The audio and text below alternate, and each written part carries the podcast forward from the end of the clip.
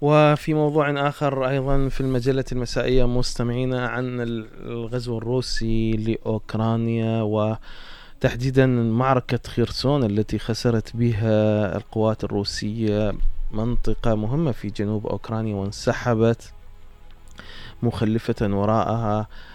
كم هائل من الأعددة كما نشرت القوات الروسية اللي است... القوات الأوكرانية اللي استولت على هذا ال... على هذا العتاد الذي خلفته أو خلفه الانسحاب القوات الروسية.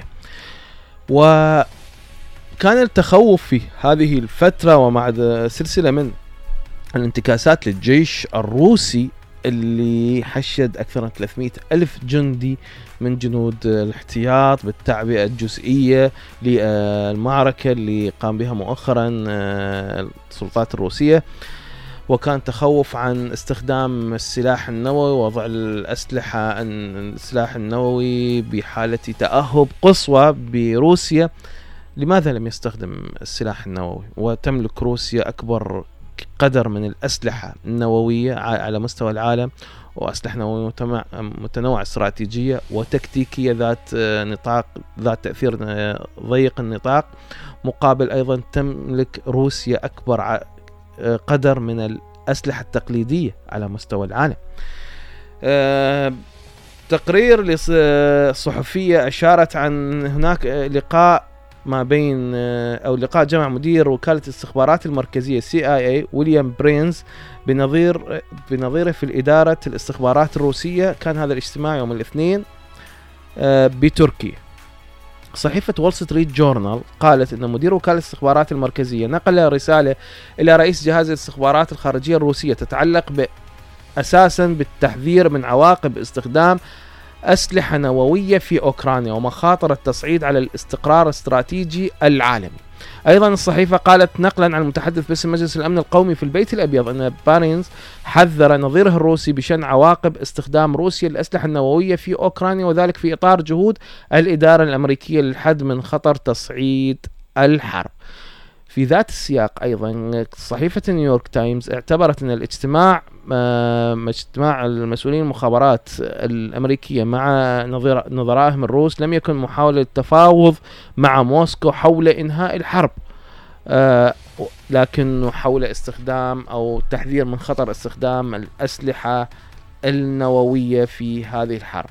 جو بايدن الرئيس الأمريكي قال قبل شهر مضى تقريبا أن خطر حرب آه، أو خطر حرب نهاية العالم في أعلى مستوى منذ أزمة الصواريخ الكوبية في عام 2062 أزمة الصواريخ الكوبية اللي كانت آه، فيها الاتحاد السوفيتي يروم نقل ونصب قواعد صواريخ نووية في كوبا المجاورة للولايات المتحدة الأمريكية.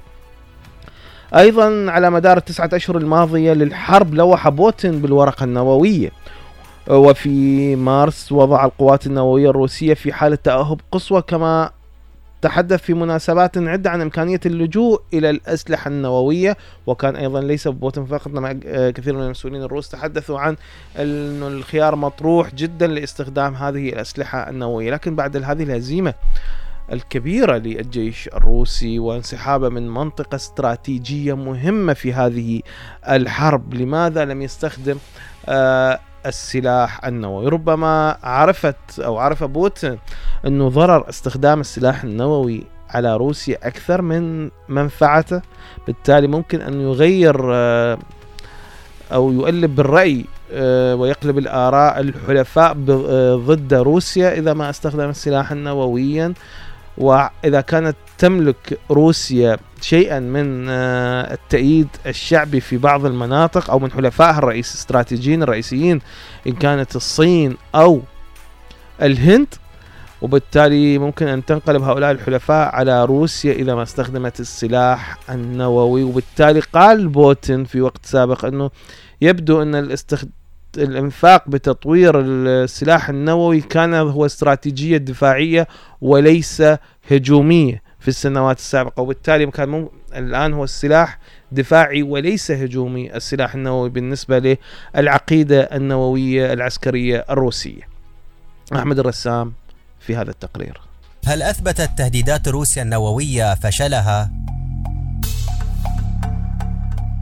يرى محللون أن إعلان روسيا وعلى لسان وزير دفاعها سيرجي شويغو إخلاء مدينة خيرسون أن الحرب الروسية الكارثية في أوكرانيا تسير بشكل سيء للغاية بالنسبة للكرملين وأن فكرة استخدام أسلحة نووية ليست أمرا عمليا. بعد إعلان الرئيس فلاديمير بوتين في أيلول الماضي أن خيرسون هي مدينة روسية إلى الأبد يبدو أن القوات الآن تنسحب لتجنب مزيد من الخسائر ولضعف إمكاناتها حيث تمثل هذه الخسارة أسوأ هزيمة عسكرية لروسيا منذ حرب إفغانستان.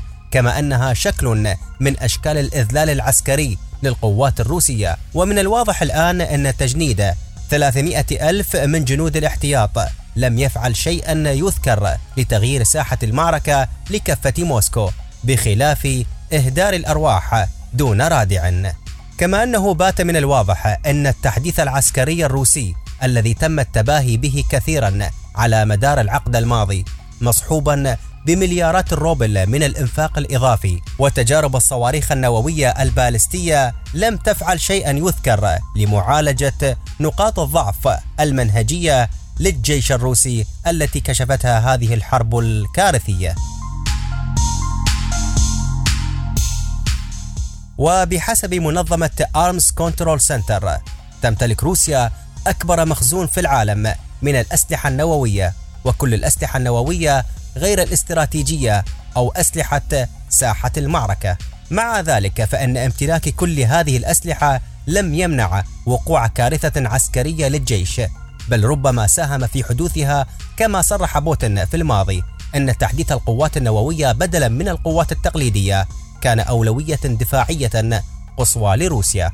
بحسب مجلة National Interest الأمريكية يمكن اعتبار أن روسيا لم تلجأ لاستخدام أسلحة نووية حتى اللحظة كمؤشر على أنها لا تنظر لهذه الأسلحة على أنها ستقدم قدرة مفيدة للقوات الروسية على الأرض. ومن الممكن أيضا أن يكون الكرملين قد رأى أن تكاليف استخدام الأسلحة النووية من حيث العقوبات الإضافية والمزيد من العزلة فاقت أي مكاسب أخرى محتملة. كما أن النقطة الأهم هي أن القوة النووية الروسية لم تكن قادرة على تفادي الهزيمة. ووفقا لتقرير نشرته وول ستريت جورنال الأمريكي الأسبوع الماضي فقد أفاد مسؤولون أمريكيون أن مستشار الأمن القومي جيك سوليفان أجرى محادثات سرية مع كبار مساعدي الرئيس بوتين في محاولة للحد من مخاطر استخدام أسلحة نووية في أوكرانيا ولتحذير موسكو من مغبة اللجوء إلى السلاح النووي أو البيولوجي.